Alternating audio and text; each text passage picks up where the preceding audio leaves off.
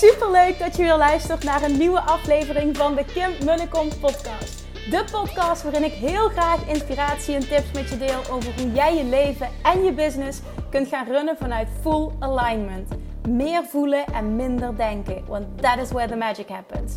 Hoe werkt die wet van aantrekking nu precies? Hoe creëer jij een succesmindset? En hoe kun jij ervoor gaan zorgen dat jij alles gaat aantrekken wat je zo graag wil met minder hard werken? Ik heb er weer super zin in. Let's go!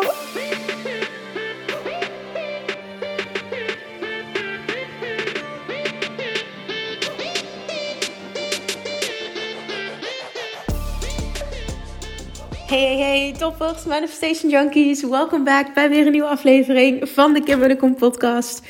Deze aflevering, afleveringen die eraan zitten te komen, komen online op het moment dat ik ben bevallen. Dus ik neem ze nu op, ik neem de intro nu op, wetende dat ze online komen als ik net ben bevallen.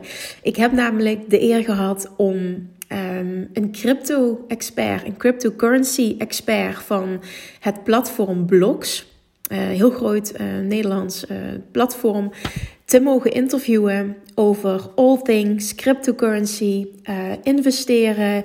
Um, onderdeel 4, nummer 4 van deze serie gaat zijn ook over NFT's en de metaverse. Het gaat heel uitgebreid zijn.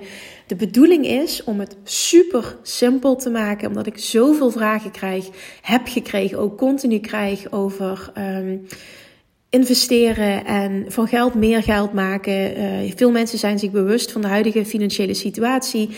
En dan bedoel ik uh, het financiële klimaat waarin we op dit moment verkeren. Enorme inflatie die al speelt en die er waarschijnlijk nog meer aan zit te komen. En naar mijn mening is het gewoon super slim om je te gaan verdiepen in investeren. Ik wil je, omdat ik zelf heel erg geïnteresseerd ben in alles wat met cryptocurrency en NFT's te maken heeft en ontwikkelingen op dat vlak, ook wel Web3 genoemd. Um, ja, ben ik heel erg in geïnteresseerd. Verdiep ik me ook heel erg in. Alleen, ik heb al heel vaak gezegd: dit is Snap, ik, dit is, ik, dit is, ik ben geen expert. Ik weet heel veel, maar ik ben geen expert. Dus ik wilde heel graag een expert interviewen om het voor jou zo simpel mogelijk te maken om te voelen, ik kan dit nou ten eerste om te beslissen, is het voor mij of is het niet voor mij? En vervolgens, als het voor jou is, om het dan simpel te maken en je stap voor stap mee te nemen in als jij ook wilt leren om hierin te investeren, om het simpel te maken en om je stap voor stap hierin mee te nemen. Als extra cadeautje mag ik je 10 euro gratis investeringstegoed aanbieden. Dat krijg je. Je krijgt gewoon 10 euro. Dat is een hele toffe actie die ik heb dus samen met Blogs. Um, dat gaat via de Blogs app, want dat is ook waarom ik um, de keuze heb gemaakt om met hen te gaan samenwerken. Ze hebben namelijk een app ontwikkeld die echt, echt, nou ja, geschikt is voor de beginner. Dit gaat over kun je het nog simpeler maken. Ik moet eerlijk zeggen dat ik had gewild toen ik startte om hier met me hierin verdiepen. En dat is in 2018 al geweest. En ook de eerste uh, cryptomunt hebben aangekocht. Mocht ik willen dat er zoiets bestond als, als Blocks, de app Blocks. Want dit maakt het zo simpel en zo overzichtelijk om A, munten aan te kopen en vervolgens heel makkelijk te verkopen. Ik heb uh, toen ik begon heel erg moeten zoeken naar het creëren van een wallet. Dan zit je met een, een seed phrase te klungelen. Ja, het zegt je misschien allemaal niks, maar het maakt het allemaal een stuk ingewikkelder. Tenminste, ik vond het echt enorm spannend. Ik heb het allemaal zelf uitgezocht. Ik ben totaal niet technisch, uh, maar vooral het woord. Ik vond het heel spannend. En uh, ik kan me voorstellen dat heel veel mensen dat zo ervaren. En daarom vind ik het heel tof dat uh, Blocks, en dat is een onderdeel van BTC Direct, waar ik ook al heel lang zaken mee doe, of zaken mee doe. daar, daar koop ik al heel lang cryptomunten. Nou, nu is dat dus overgegaan om dat via Blocks te doen omdat ze het zo simpel hebben gemaakt in een app. Ik hou op die manier ook de koersen bij. Het is echt gewoon super overzichtelijk. Echt, als je het nog nooit geprobeerd hebt, download de app. Want je krijgt dus 10 euro gratis investeringstegoed. Als je de app downloadt, Blocks, dus B-L-O-X. Uh, vind je gewoon in, in de App Store of ook op Android beschikbaar. En dan kun jij even denken hoe het zit. Je, je voert je, ik ga je even kort meenemen. Je voert je uh, gegevens in. Je moet je volgens mij heel even identificeren. Dat, is, dat heeft te maken met de wetgeving, zeg maar. En dat is alleen maar iets goeds, want dat betekent ook dat het super legaal is allemaal. Uh, je moet je identificeren, je, moet even, je, je kan je bijvoorbeeld je rijbewijs inscannen. En vervolgens kun je bij instellingen, uh, staat er voucher. En als je daarop klikt bij voucher, kun je Kim invoeren. Kim met hoofdletters. En dan krijg je automatisch 10 euro start te goed dat je mag investeren in welke munt dan maar ook. Je kan ook diversificeren, dus dat je verschillende munten uh, inzet. Het is jouw spelletje, jouw, jouw ding. Ik bedoel, je verliest niks, want het is geld dat je gratis krijgt. Ik, bedoel, ik vind het echt super tof dat ze dit doen.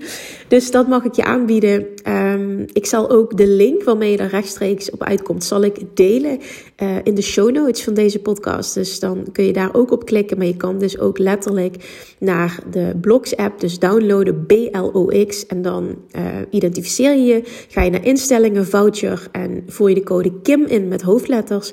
En als het goed is, moet er dan op een hele simpele manier meteen 10 euro verschijnen. Ik werk er zelf namelijk ook mee, dus ik kan nu een beetje zeggen hoe het werkt. Um, en dan kun je die investeren waarin je maar wil. Oké, dat even gezegd hebbende, wil ik nu uh, uh, de vier onderwerpen die we gaan bespreken introduceren. En dat betekent ook dat de volgende intro's waarschijnlijk wat korter zullen zijn. Ik hoop enorm dat dit je waarde gaat opleveren. Dat dit je nou, in ieder geval een inzicht gaat, gaat geven in. Uh, uh, hoe het allemaal in elkaar zit en uh, of het wel of niet voor jou is. En als je voelt, het lijkt me super tof om hier ook meer in te verdiepen en stappen in te gaan zetten, hoop ik ook dat je voelt uh, dat we het zo simpel hebben gemaakt dat je dus die keuze kan gaan maken. En uit ervaring kan ik eigenlijk alleen maar zeggen dat het allerbeste leerproces is door het te doen. Door de keuze te maken. Ik, sowieso, je, je krijgt nu gratis geld om überhaupt eens te gaan ervaren wat het met je doet. En het vooral vanuit de mindset te doen. Ik hoef niet morgen winst te hebben gemaakt. Nee, ik zie dit als een lange termijn investering. Dat is in ieder geval hoe ik erin zit. Ik ga niet elke dag de koersen bekijken en stressen over of iets wel of niet omhoog of omlaag is gegaan. Ik uh, word je zelf altijd juist heel erg blij op het moment dat iets zakt. Want dat is voor mij een reden. Zeker als het heel erg zakt, denk ik: oh yes, ik kan bijkopen, want het staat nu laag. Wetende, omdat ik vertrouw in het grotere heel. Maar nogmaals, het is geen financieel advies. Dit is mijn mening en mijn visie. Dus onthoud dat goed. Hè? Dit is niet financieel advies. Uh, jij moet uiteindelijk zelf beslissingen nemen. Maar ik word er heel blij van, omdat ik dan denk, ik kan bijkopen. Want ik weet gewoon, ik vertrouw hier echt in. Ik, ik nou ja, ik, dit, zijn echt, ik, ik, ja, ik investeer hier heel erg in. Omdat ik erin geloof dat het, um, dat het groter gaat worden en dat het meer gaat worden. Dus dat even gezegd hebben. De eerste aflevering gaat zijn: hoe start je met investeren in crypto? Zometeen beginnen we met dat Axel zich even voorstelt en ook meeneemt in zijn eigen reis. Vond ik zelf ook heel waardevol om te horen. Vervolgens gaat deel 2 zijn: hoe kies je de juiste cryptomunten om in te investeren? Hij neemt je echt mee en daar heb ik zelf ook heel veel van geleerd. Wat er achter de cryptomunten zit en, en, en wat bepaalde specificaties zijn. Ik bedoel, dat wist ik ook allemaal niet, dus vond ik heel leerzaam. Dan aflevering 3 gaat zijn, is investeren in crypto veilig? Gaan we het hebben over all things security.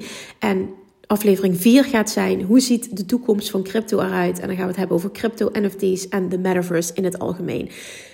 En als je het mij vraagt, super tof en super waardevol. Het is ook, nou ja, weer vanuit overvloed gratis informatie die je krijgt. En ik hoop gewoon heel erg je op deze manier een, uh, ja, een kijkje te geven in hoe deze wereld in elkaar zit en wat voor mogelijkheden, en dat zul je ook in de podcast gaan horen, hoe ik het zie, hoe, Axel het ziet. Welke tijd eigenlijk, in welke tijd we leven en wat voor mogelijkheden we allemaal hebben om geld te verdienen op een manier die anders is dan ervoor werken. Ik vind het echt zo bijzonder dat het bestaat. Dat wij geld kunnen verdienen zonder dat we ervoor werken. Maar daar is wel kennis voor nodig en daar is verdieping voor nodig. Hè? Dus dat kun je ook zien als tussen haakjes werk. Alleen ik geloof erin dat het zo waardevol is om hierin te verdiepen. Want deze wereld en, en überhaupt de wereld van investeren maakt zoveel dingen voor je mogelijk. Er zijn ook heel veel risico's aan verbonden. Hè? Dus ik wil niet vooral alleen maar het mooie plaatje schetsen. Daarom zeg ik ook heel erg: do your own research. Ik wil je ook heel erg nou ja, aanmoedigen, doordat je hier een, een hele sterke basis krijgt en je stap voor stap meenemen, dat je dit tof vindt en dat je hier meer in gaat verdiepen. Ik heb ook benoemd, zijn vrienden en ik zullen samen, eh, dat zal waarschijnlijk in tussen haakjes het verlof gaan zijn, dat we hiermee gaan experimenteren. Samen een podcast starten over ook wat wij doen, het investeren in NFT's, hoe wij met geld omgaan. Um, want we hebben behoorlijk wat rijkdom voor onszelf kunnen creëren. En het lijkt me echt heel tof om je daarin mee te nemen, omdat ik heb gemerkt uh, de afgelopen jaren dat het toch. Bovengemiddeld is, zeg maar, hoe wij het doen financieel. En ook hoe wij erin staan. En daarom denk ik dat het heel, um, ja, dat het, dat het enorm inspirerend kan zijn als wij dat gaan delen met je. En het lijkt me ook heel tof om daar iets aan te koppelen van een, een, een, een training um, of een community of wat dan ook. Dus het wordt vervolgd. Ik heb er allemaal ideeën over, maar ja, op het moment dat je dit luistert, uh, is er dus eerst even een babytje wat alle aandacht gaat krijgen. En dat, dat wil ik ook nu prioriteit geven. Maar daarnaast bruist het wel, borrelt het wel. Omdat dit, um, ja, het, het, blijft gewoon mij fascineren. En het blijft een, een van mijn favoriete onderwerpen om het te hebben over geld. Omdat geld voor mij gelijk staat aan een groot deel gelijk staat aan vrijheid. Oké, ik wil niet te lang lullen nu. Ik wil je vooral lekker laten luisteren. Ik hoop dat je gaat genieten. Ik, ik, ik ook, wil je ook vragen van op het moment dat je een vraag hebt, stel die gewoon aan mij. Stuur me een DM, stuur me een mailtje. Uh, alles is welkom. Ik ga proberen om daar zo snel mogelijk op terug te komen en te kijken uh, of we misschien inderdaad nog, misschien moeten er nog wat afleveringen bij of kunnen zijn vrienden en ik dat meenemen. Dus weet ook dat alle feedback welkom is. Ik hoop in, ieder geval enorm dat je um, geïnspireerd raakt, dat je er wat mee gaat doen. Dat je in ieder geval gaat onderzoeken. Niet per se je moet een stap zetten om dit ook te gaan doen, want dat is volledig aan jou. Dat je het gaat onderzoeken. Nogmaals, geen financieel advies, maar dat het je inspireert. Um, dat je erin wil gaan verdiepen. En dan helemaal dat je natuurlijk de keuze maakt om uh, met die gratis 10 euro iets te gaan doen. Dus nog een keer, ik zal de link delen in de show notes. En de code is hoofdletter, uh, hoofdletters, dus Kim, hè? drie keer hoofdletter Kim. Um, en dan kun je, als je de Blocks app downloadt, uh, je identificeert je, gaat naar instellingen, voucher en daar voer je de code KIM in. Oké, okay, daar gaan we. Aflevering 1. Sit back and relax, enjoy en, en laat je lekker inspireren.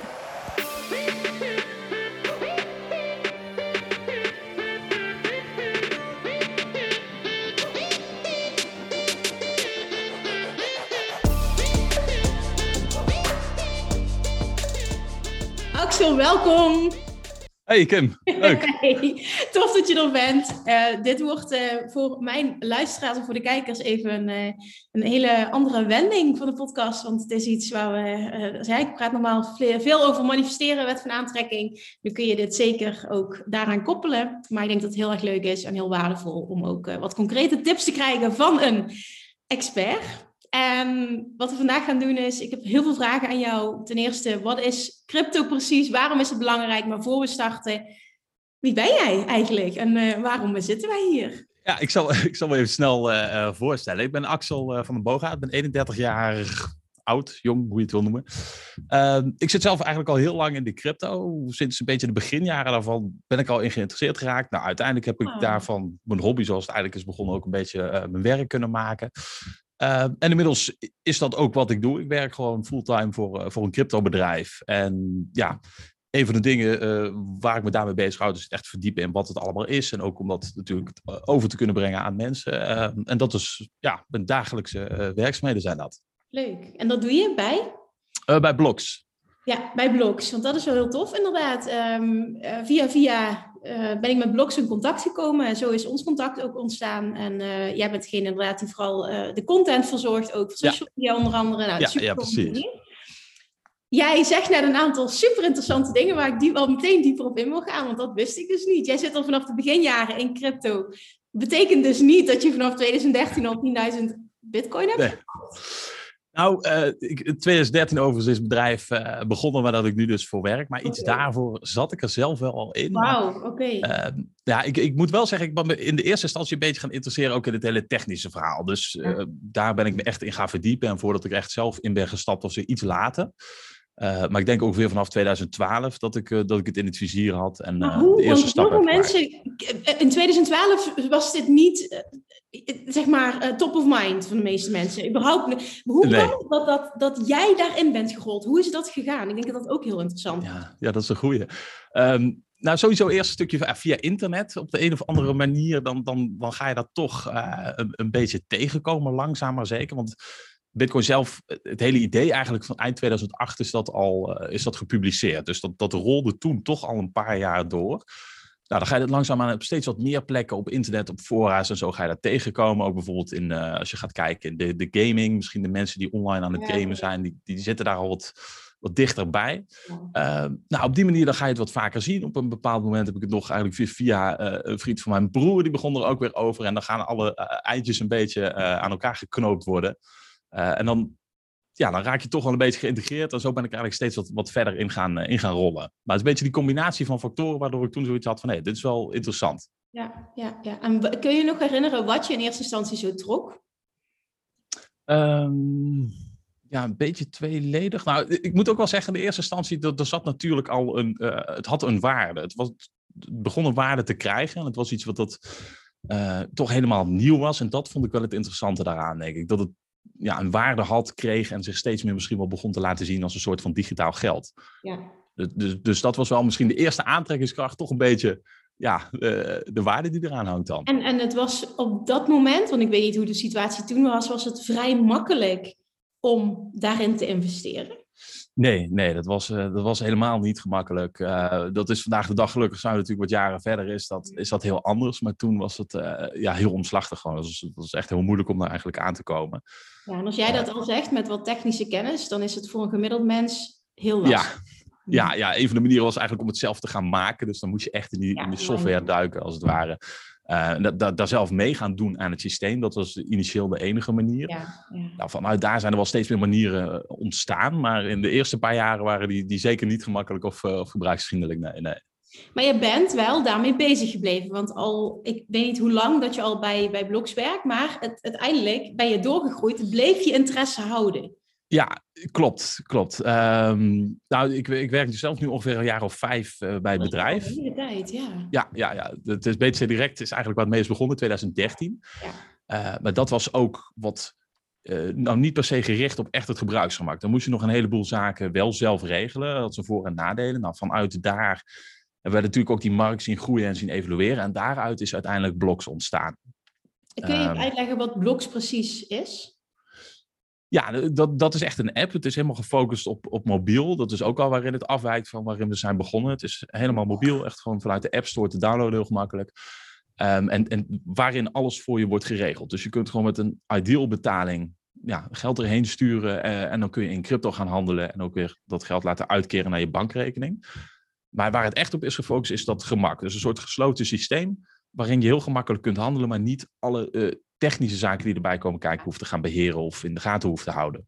Ja, en dat zal um, ontstaan zijn ook, denk ik, door de vraag van de markt, wat, je, wat jullie gezien hebben. Ja, ja dat, dat vind ik zelf daar wel echt heel kenmerkend aan, inderdaad. Het is echt ontstaan vanuit die vraag uit de markt. Um, ja, wat ik net ook al zei, het is al het begon al eerder, maar toen hadden we een hele andere insteek. Toen moest je toch nog zelf dat technische facet uh, in de gaten houden. En, en dan ga je toch steeds meer terugkrijgen uit de markt dat mensen dat heel erg ingewikkeld vinden. Of ja. Het niet vertrouwen of het, ja, of het gewoon moeilijk vinden. Ja, en dat nou is het. En, en het stukje ook dat je zo bang bent. Als ik puur eventjes wat over mezelf vertel. Dat in 2018 heb ik zelf de stap gezet om uh, begin 2018 om te investeren in crypto. Dat was inderdaad via BTC Direct heb ik dat toen gekocht. Maar ik ben ja. altijd heel bang geweest om Uh, ik heb toen een, een wallet uh, aangeschaft om, om, om, alles kwijt te raken. Want ja. dat is een beetje, daar, daar, kunnen we zo meteen wel dieper op ingaan. Maar zo werkt het over het algemeen. Dat je, uh, dat noemen ze een seed phrase hebt. Hè, en die is gekoppeld aan een bepaalde wallet. En op het moment dat je die seed phrase kwijtraakt. En dat is iets wat ze ook niet aanraden om op je computer te hebben. Of op telefoon of wat dan ook. Want nee, het kan allemaal gehackt worden. Dus het, het, men, men raadt aan om dit gewoon op papier te hebben. Maar op het moment dat je dat papiertje kwijtraakt. Je moet natuurlijk kopie hebben. Maar toch, ik ben best wel ongeorganiseerd. Dus mijn angst, grootste ja. angst is altijd. Als ik dat papiertje kwijtraak, ben ik alles kwijt. Ja, ja ik, ik, snap het, ik snap die angst ook wel. Want je zou zeker niet de eerste zijn. Want uh, als je gaat kijken naar... Er zijn ongeveer ja, 19 miljoen bitcoins in omloop. En een paar miljoen daarvan, misschien wel 3 miljoen daarvan, die, die zijn al kwijt naar ja, schatting. Exact. Ja, de... En het is ook nog eens zo, je gaat een wallet kiezen. Hoe weet je in godsnaam welke wallet goed is, welke er over een paar jaar nog bestaat? Dat is ook, het was zo, in 2018 was het, het was veel jaren later dan dat jij gestart bent, maar zelfs toen was het ja, zeker. spannend allemaal, zeker als je geen achtergrond hebt. Nee, nee, nee, precies. En terwijl het inderdaad toen al, als je gaat kijken dat eind 2008 zeg maar, het eerste plan naar buiten is gebracht, naar 2018, dan ben je, ben je weer, weer tien jaar, jaar verder. Um, en in die tien jaar is er heel veel gebeurd. Maar wat dat betreft was het inderdaad nog steeds uh, moeilijk. En, en er kan nog steeds een hoop beter. Ja. Maar ik kan me heel goed voorstellen dat je inderdaad zegt van ja, dat is toch wel spannend. En het is ook zo, als je dan daadwerkelijk uh, iets misgaat of kwijtraakt, ja, dan kun je ook niks, dan ben je het ook kwijt, zeg maar. Dus dan ben je het kwijt. En als het gaat om, uh, dat je, als, je, als je kiest voor, voor bijvoorbeeld dollar cost averaging, dat je, dat je met regelmaat ja. wat investeert, kan het best wel oplopen. Maar je kan het dus ook, hè, de, de winsten kunnen enorm zijn, maar je kan ook alles kwijtraken. En dan ja. het niet enkel over dat de markt instort, maar vooral ook over het stukje, als jij niet goed oppast met hoe je het aanpakt en, um, ja. en dat je op, je op je spullen let, dan heb je ook een probleem. Ja, ja zeker. Dus, Oké, okay, nou ja, blogs, ik hoorde dat. Uh, nou ja, een van de medewerkers ehm, heeft toen uh, luisterde mijn podcast waarin ik sprak over uh, dit uh, hele traject waar ik zelf in zit, en investeren in NFT's. Nou, die contacteerde mij, zo zijn wij in contact gekomen, ook even om iedereen mee te nemen ja. daarin. En um, vervolgens hoorde ik dus over blogs. En toen wist ik, oké, okay, mijn luisteraars, kijkers van, van dit kanaal, die gaan dit fantastisch vinden. Want er is niets wat het zo simpel maakt om te investeren in crypto als dit. Ja, dat is echt inderdaad waar de focus op ligt. Precies om wat je net zegt, er was daar nog zoveel ruimte voor verbetering. Uh, die zal er ook echt de aankomende jaren ongetwijfeld nog blijven. Maar dit is, ja, dit is het eerste effect daarvan. Dat je ziet van, nou, dat, om het toch behapbaar te maken voor, voor eigenlijk gewoon iedereen. Hoe kan het dat je hier niet te maken hebt met zelf een wallet moeten kiezen, zelf een, een, de, hè, de keys moeten, moeten beheren? Kun je heel simpel uitleggen hoe het in zijn werk gaat? Puur dat mensen ook denken van, oh, dit, dit, dit kan ik, dit durf ik, dit, dit, dit. Ja, ja, tuurlijk. Ja, nee, dan, nou, je hebt eigenlijk die twee uitersten. Het ene uiterste dat je het inderdaad helemaal zelf beheert. Uh, dat kun je een beetje zien als dat je je eigen bankrekening beheert, maar dan dus niet bij een bank, maar helemaal zelf. Dus je bent er helemaal zelf verantwoordelijk voor. Dat heeft natuurlijk uh, voordelen, namelijk dat je ook niet afhankelijk bent van een andere partij. Je, hoeft niet bang te zijn dat, je, dat er een bank omvalt, of uh, om maar wat te noemen. Nou, dat is het voordeel daarvan. Maar je moet het wel allemaal dan heel goed beheren. Want ja, als je dat dus niet doet, dan loop je gewoon een enorm risico dat daar iets mee gebeurt met die, met die waarde die je daarop hebt opgeslagen dus zeggen we bij Blocks eigenlijk van, nou, dat hele beheerstuk, dat nemen wij op ons. Zodat je zelf daar niet druk over hoeft te maken. Wij zorgen ervoor dat het beheer wordt geregeld, dat de veiligheid wordt geregeld. Ook dat natuurlijk de infrastructuur staat dat je heel gemakkelijk uh, kunt gaan handelen. Dat je snel kunt omwisselen voor euro's als je ervan af wil. Of ja, want dat is het. Hè? Men kan ook heel, ja. je kunt heel snel weer terug en dan staat het weer terug op je rekening. Hè? Je kan het heel snel ja. weer wisselen. Ja. ja, precies. Want ja, dat was natuurlijk ook met name in de, de oudere tijden was dat toch een groot probleem. Van ja, dan heb je die crypto misschien wel. Maar hoe krijg je dat weer omgewisseld naar je eigen, ja, je eigen geld? In dit geval de euro's natuurlijk hier bij ons. Ja, uh, ja dat, dat, dat, was ook lang niet altijd even makkelijk. Nou, dat hebben we allemaal in één pakketje gestopt en gezorgd dat het gewoon uh, als één systeem functioneert, zodat je zelf daar niet druk over hoeft te maken. Ja, dus eigenlijk moet je het zo zien, als ik het goed begrijp, je maakt een account aan. En vervolgens kun jij dan, en, en ik weet inderdaad hoe de app eruit ziet, het is super simpel. Kun jij gaan, kun je een, een coin kiezen. Nou, kun je, ja, je kan een coin uitkiezen ja. waar jij denkt van oké, daar wil ik investeren. Je maakt geld over via Ideal. Je koopt die coin vervolgens. En binnen de omgeving, hè, binnen, binnen die app als het ware, wordt dat voor jou bewaard. Hoe verder geen codes, helemaal niks. Je hebt gewoon je eigen account en that's it. Precies. En het grote voordeel dat daar nog aan zit, is dat het ook uh, alleen maar uitgekeerd kan worden naar een bankrekening die op jouw naam staat. Want als je het account aanmaakt, uh, dan wordt het direct gekoppeld. Dus daarna kun je alleen maar uitkeren ook naar je eigen bankrekening. Dus uh, ja, er kan eigenlijk niks misgaan. Het kan alleen maar terug naar jouw eigen bank. Ja. Wat is dan een risico wat overblijft op het moment dat mensen ervoor kiezen om dat op deze manier te doen? Het risico dat overblijft, kijk, als je het zelf dus beheert, dan dan ben je ook niet afhankelijk van een andere partij. Ja, nu leg je dus wel de verantwoordelijkheid uh, bij een andere partij, in dit geval bij ons, bij Bloks neer. Um, dus je hebt dat niet meer zelf in de hand. Ja, dat is de, de trade-off die je dan maakt. Zit of je beheert het een, een risico, um, als je het puur hebt over dat, hoef je niet uh, in depth op in te gaan, maar een, een risico dat stel, weet ik veel, het bedrijf zou failliet gaan of wat dan ook. Um, ja. Ja, dat heb je natuurlijk altijd, dat heb je bij een bank ook. Ja, nou, in de eerste plaats is het sowieso dat alles wat er wordt verhandeld of aangekocht in de app, dat hebben we ook daadwerkelijk op voorraad. Dus dat is al een hele belangrijke. Het is niet zo dat dat uh, alleen maar een cijfertje is dat wij veranderen. En als het dan echt uitbetaald moet worden, bijvoorbeeld dat het er niet is, als de koers heel erg wisselt, dat, dat zou een enorm risico zijn. Nou, dat doen we dus ook niet. We hebben het echt op voorraad. Dus dat is al probleem 1 eigenlijk opgelost. Het is er daadwerkelijk.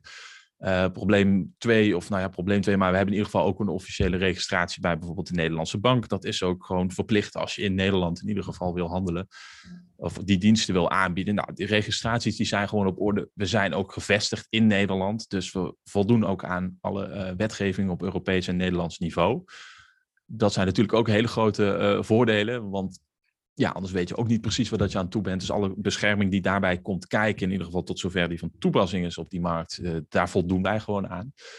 Uh, en daarbij staat het natuurlijk ook niet zomaar even op een rekeningetje geparkeerd, waar dat wij uh, met de bankpas toe kunnen om het eraf te halen. Dus dat, dat zit allemaal heel goed gewaarborgd.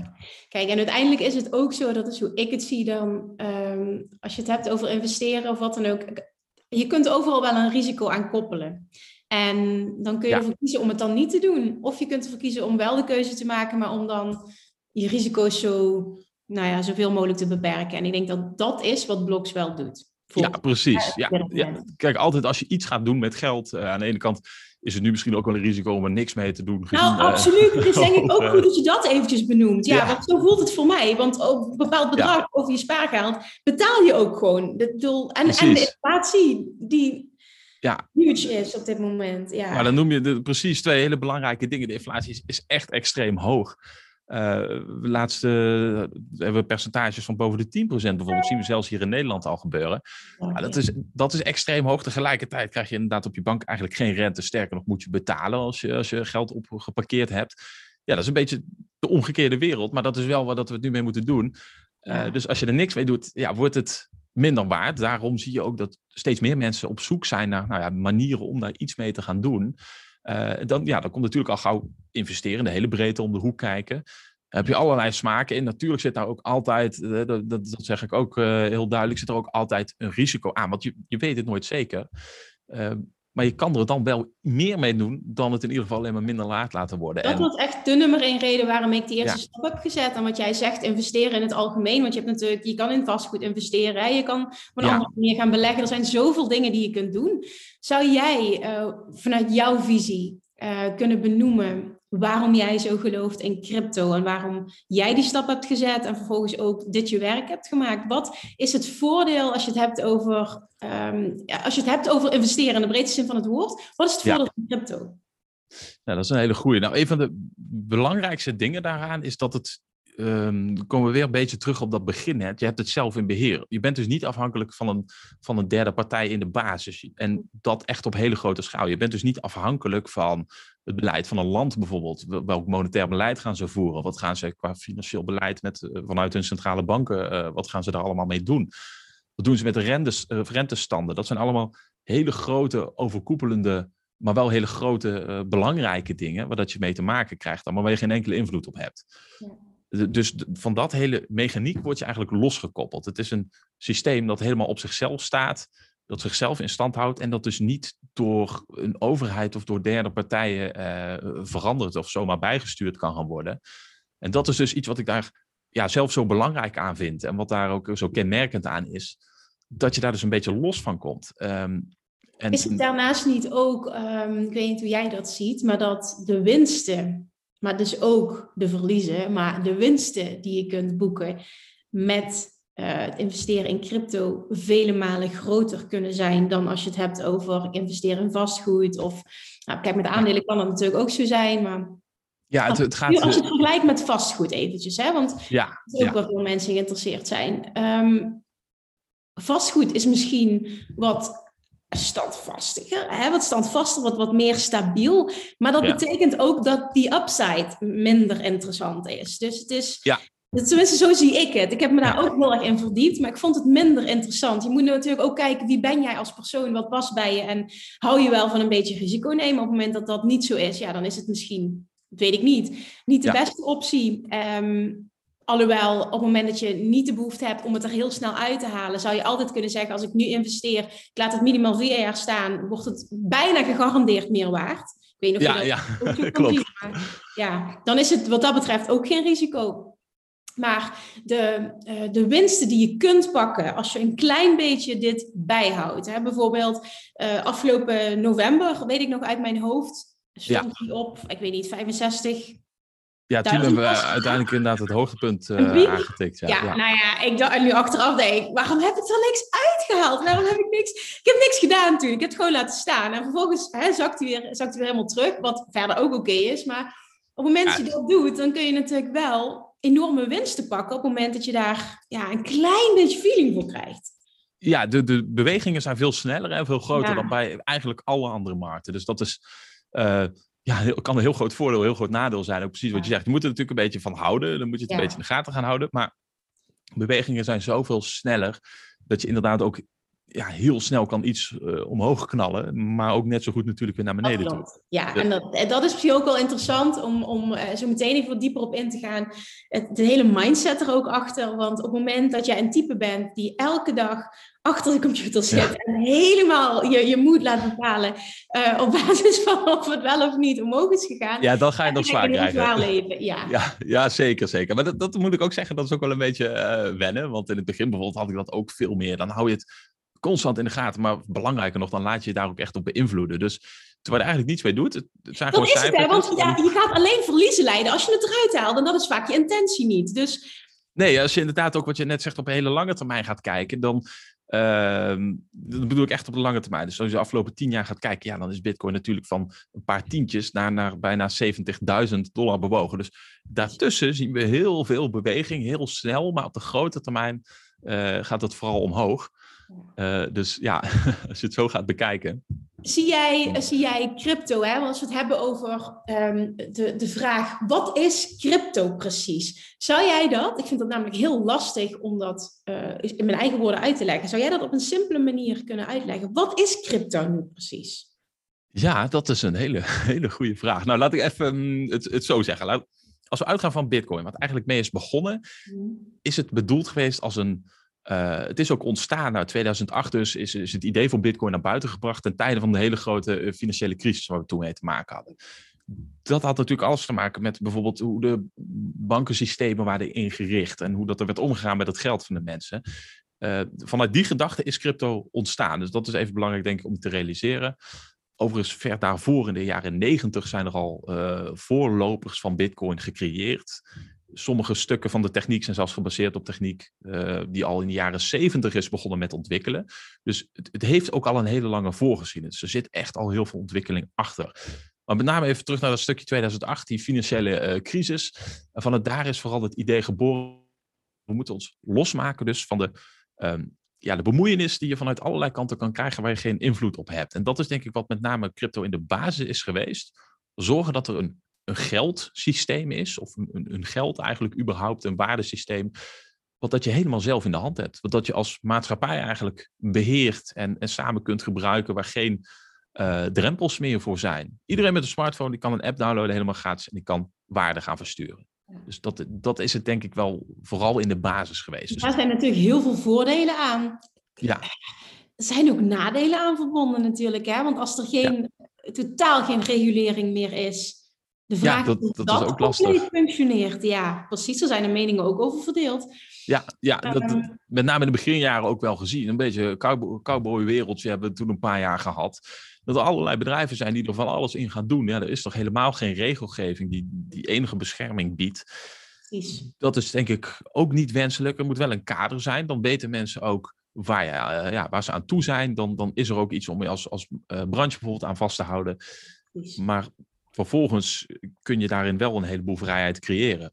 Ja, klopt, absoluut, absoluut. En wat jij net benoemde, hè, um, ze noemen crypto ook wel DeFi, hè? Decentralized Finance.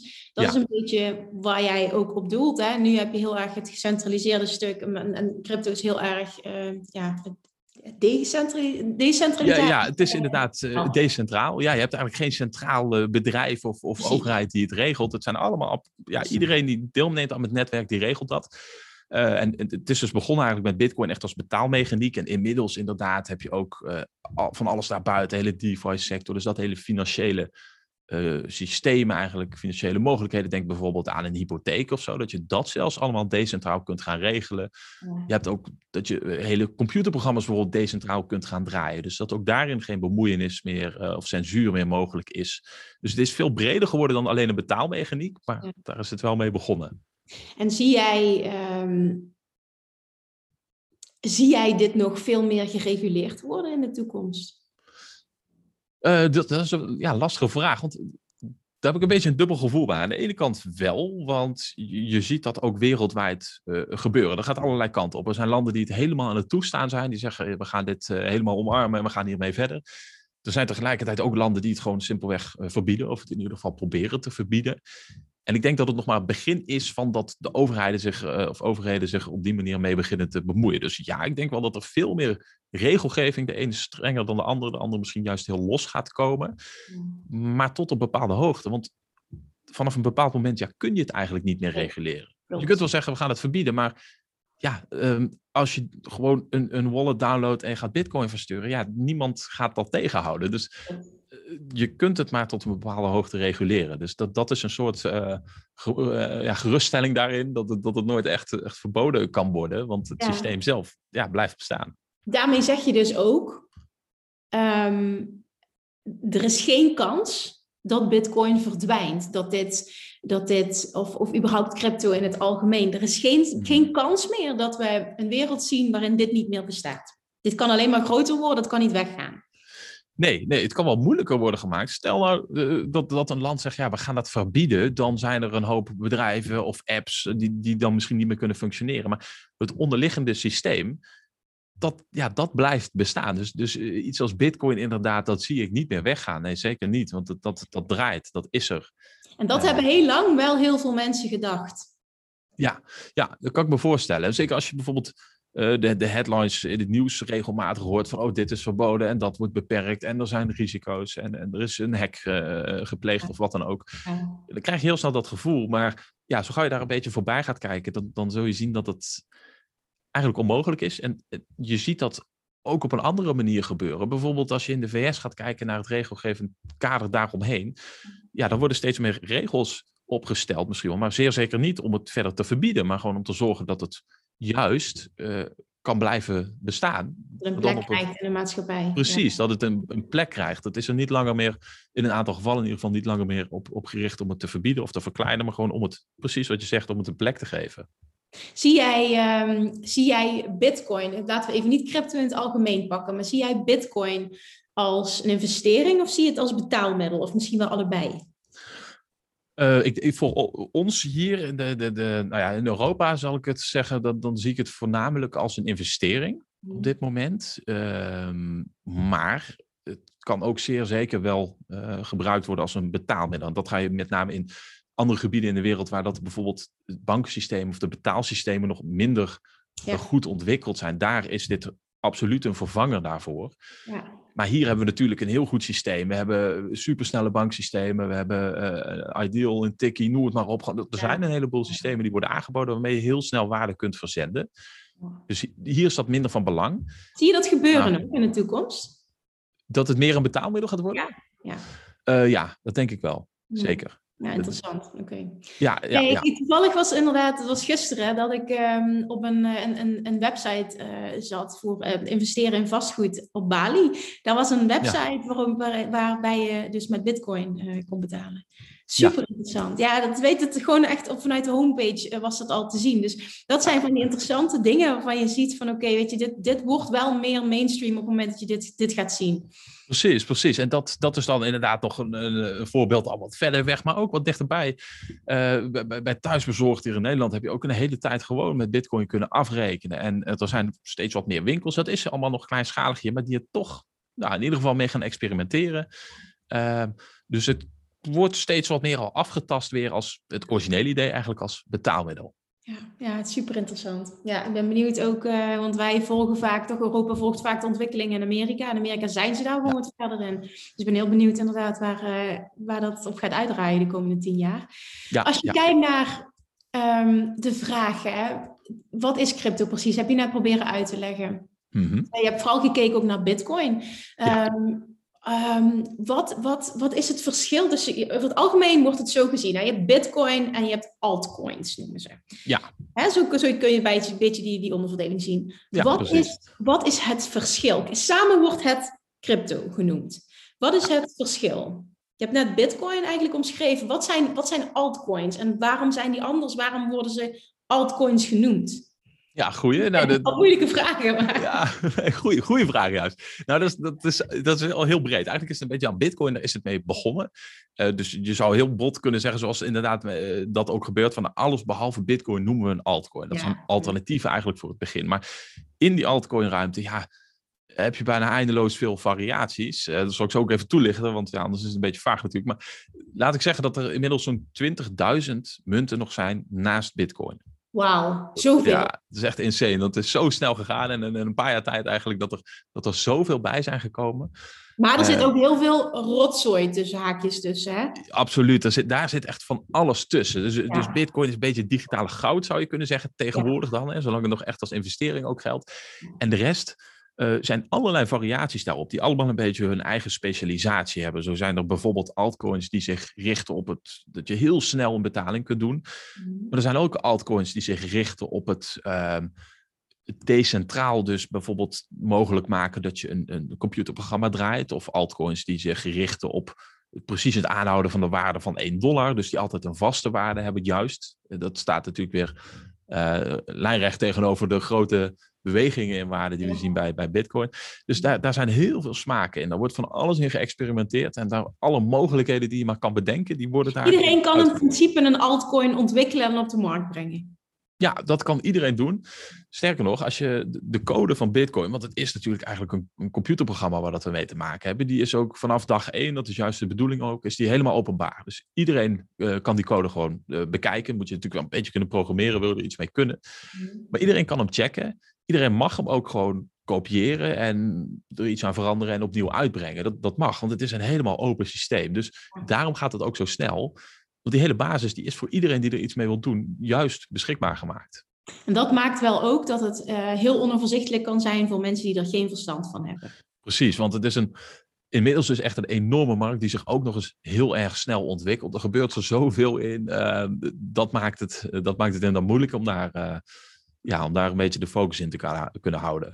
Ja, ja dat wordt wel vaker gezegd in, in cryptoland, dat een, een dag in, in, in crypto, misschien nu specifiek in NFT-land, uh, eh, gelijk staat aan een jaar in uh, normaal ja. uh, mensenleven. Zo, zo voelt het echt, ja. Ja, ja, ja. Ik ben ook jaren ouder geworden sinds ik dit doe, want... ja.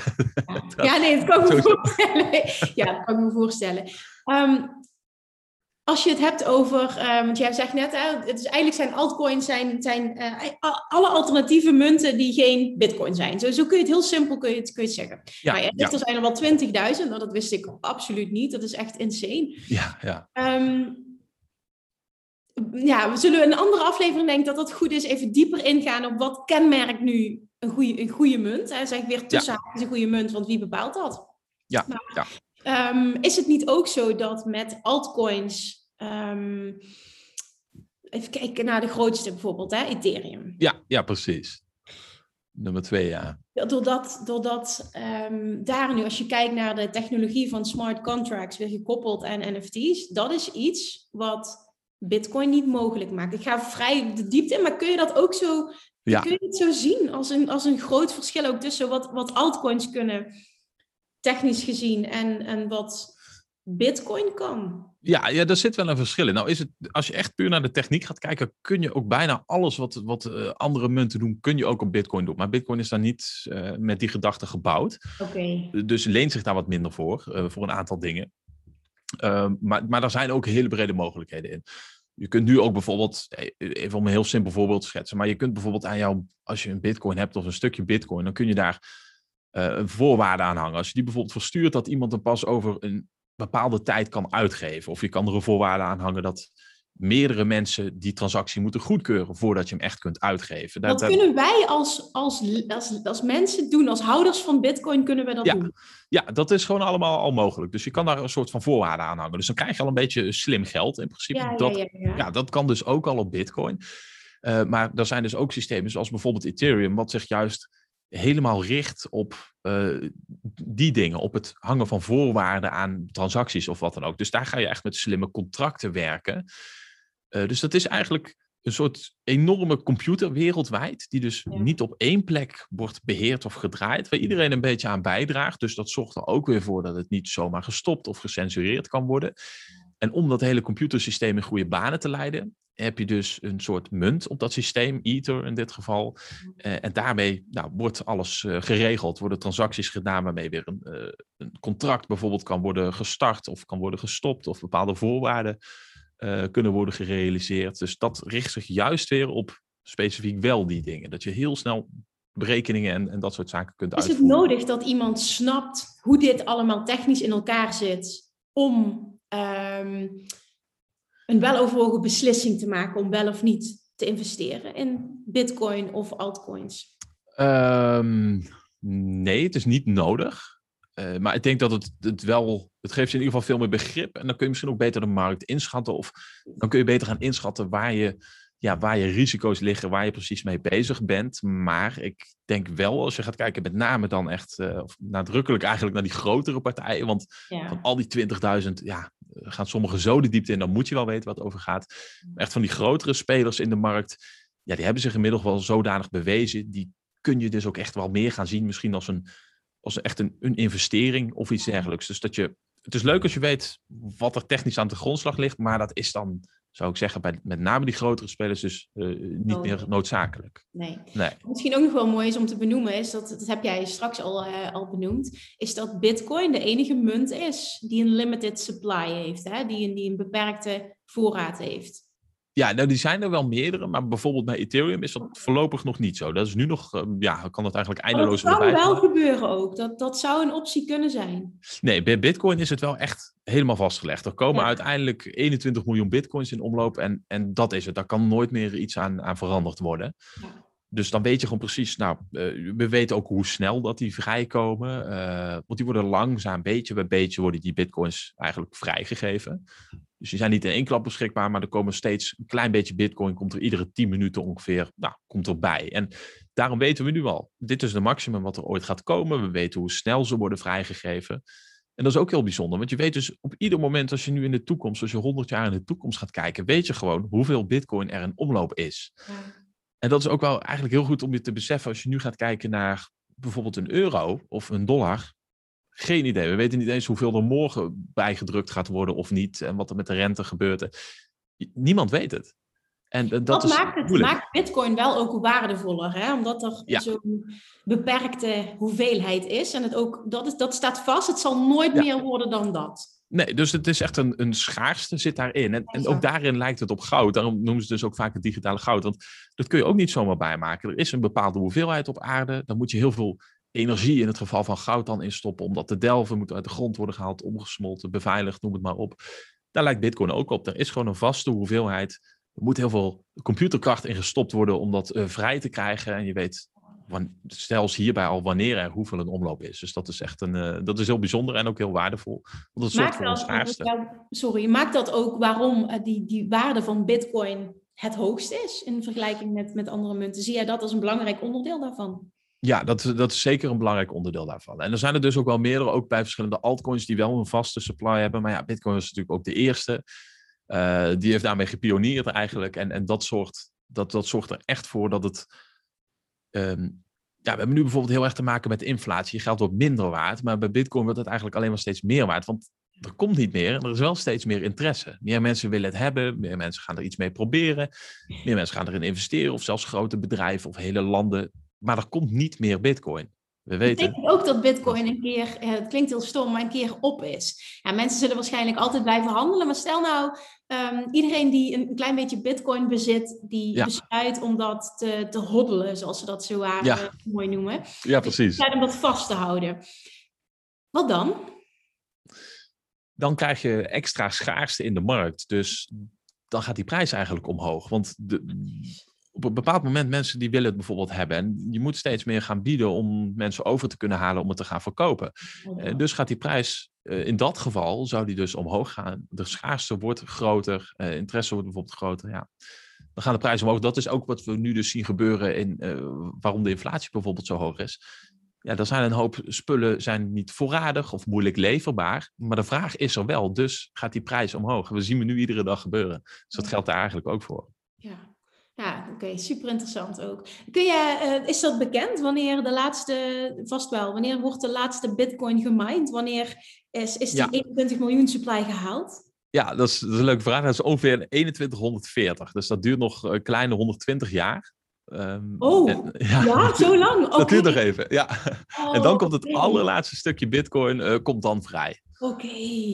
Dus dat, dat duurt dus nog heel lang. Ja, oké. Dus dat betekent nu op dit moment, maar er zijn wel al heel veel bitcoins in omloop. Hè? Dat betekent op Ja. dit moment dat als men wil, nu nog, dat het eigenlijk voor iedereen toegankelijk is om erin te investeren. Hè? Ja, ja. Maar het is wel zo dat het steeds, waarschijnlijk steeds schaarser gaat worden. Ligt natuurlijk aan hoeveel er verhandeld ook gaat worden. Hè? Ja, dat ja, net klopt. Het met de prijs?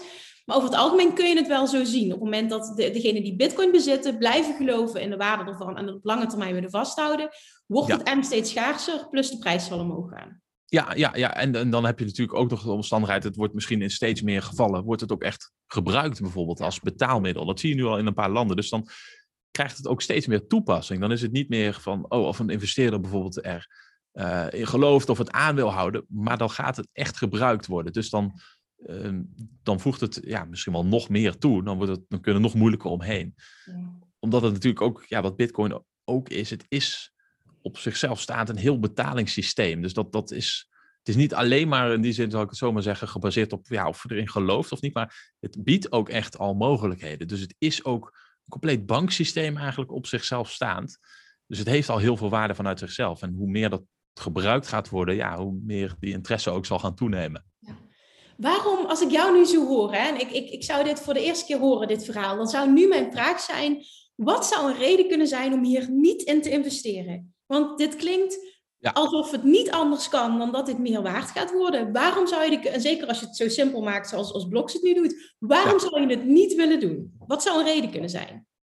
Nou, in de, in de allereerste plaats zou ik zeggen, je, je moet het echt alleen maar doen met geld dat je, dat je wel kan missen. Want de waarde verandert heel erg snel. En stel nou dat je het nu doet met geld dat je volgende maand nodig hebt om de huur te betalen. Ik, ik noem maar wat geks. Eh, maar ja, net in die maand is het geen lekkere maand. Ja. Dan heb je toch een probleem. Dan moet je het met verlies verkopen. Dus dat, dat, dat moet je absoluut niet doen. En dat bedoel ik dus met doe het met geld dat je kan missen. Ja. Waarvan je echt kan zeggen, ik hoef me niet die druk over te maken. Ik kan bijvoorbeeld het gewoon uitzitten tot de markt aantrekt of wat dan ook. Dus dat lijkt me een hele belangrijke. Als dat niet aan de orde is, ga geen rare capriolen uithalen. Ga geen geld eh, lenen tegen een hoge rente om dat weer te investeren. Dan neem je zo, eh, zoveel risico. Eh, dat, dat zou ik een reden vinden, absoluut, om het niet te doen. Maar ook als je, mm, ja, als je er niet prettig bij voelt, bijvoorbeeld hoe snel dat dat verandert. Als je zegt, ja, die, die waarde die gaat zo hard op en neer. Nou is het nog eens op de lange termijn.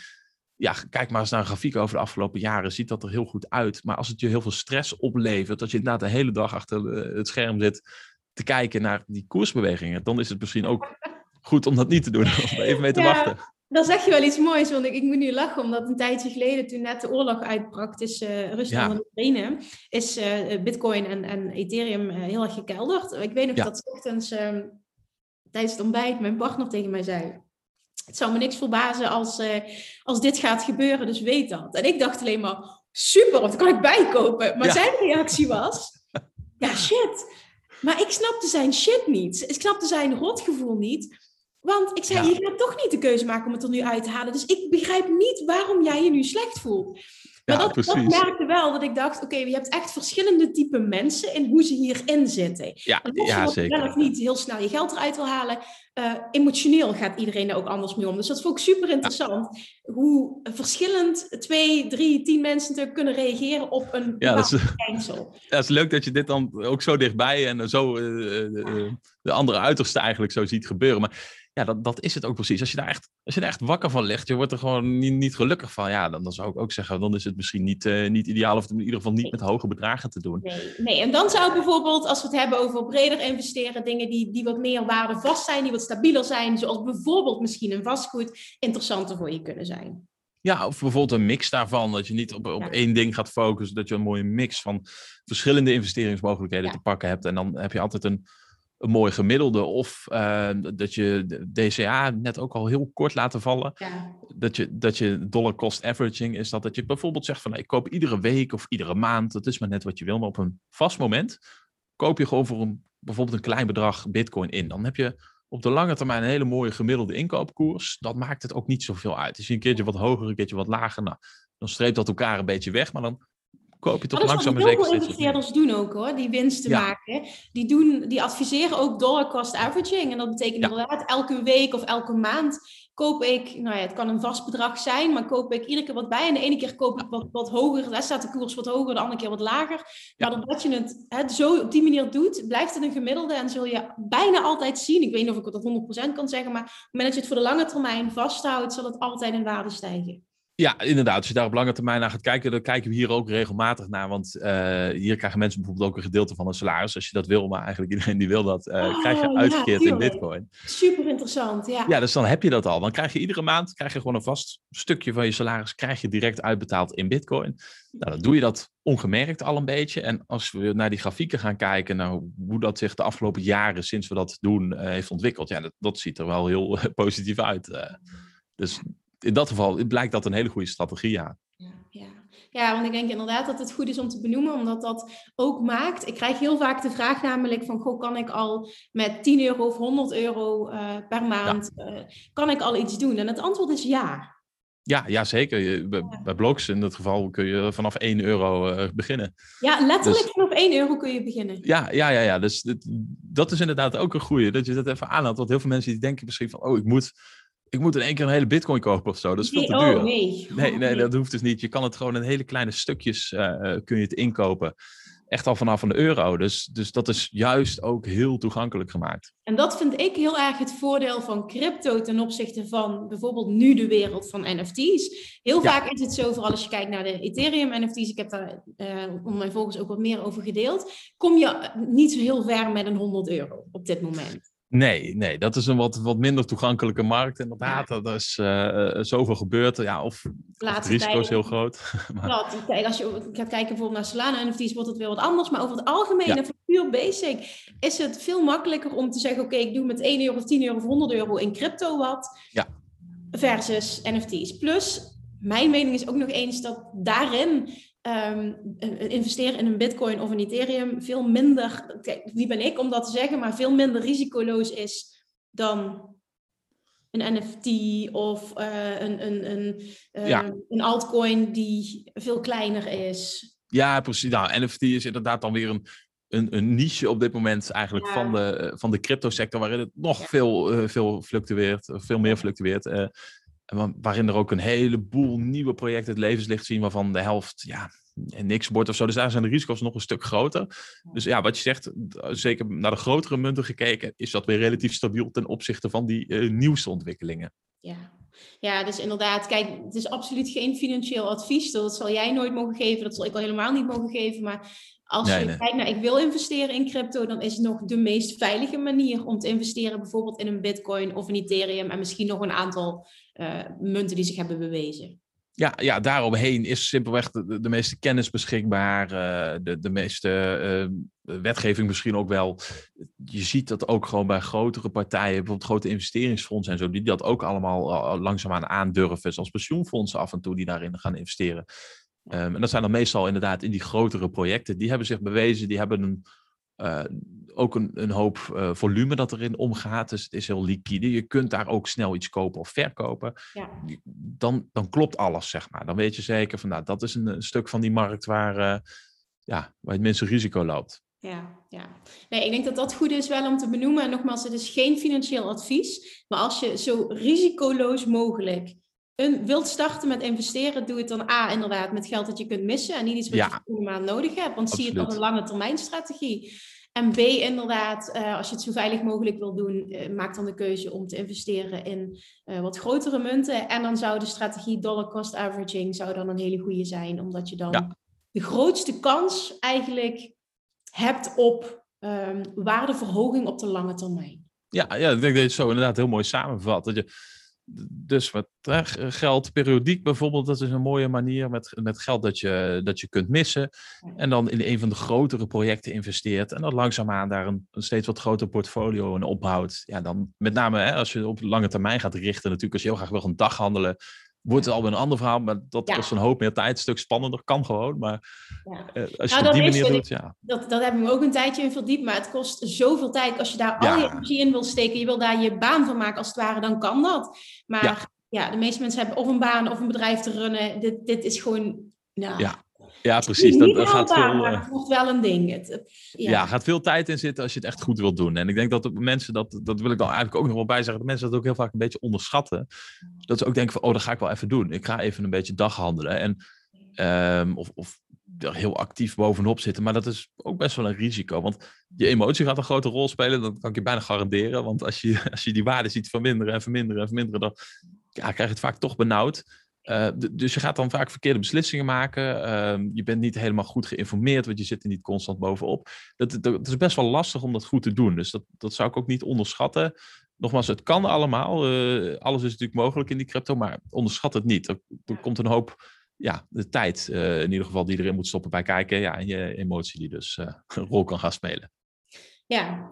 ja, absoluut. Ik, je hebt helemaal gelijk. Ik, ik merk dat er zoveel vragen nog in mij opkomen. Maar ik weet ook, we gaan hier een Ja. hele reeks van maken. Dus ik moet ook niet alles nu willen, eh, willen vragen aan jou. Ik denk dat het heel mooi is als we echt verschillende onderwerpen gaan maken. En dat, eh, hè, dat, dat mensen ook eh, heel bewust informatie krijgen in een bepaalde aflevering over een bepaald onderwerp.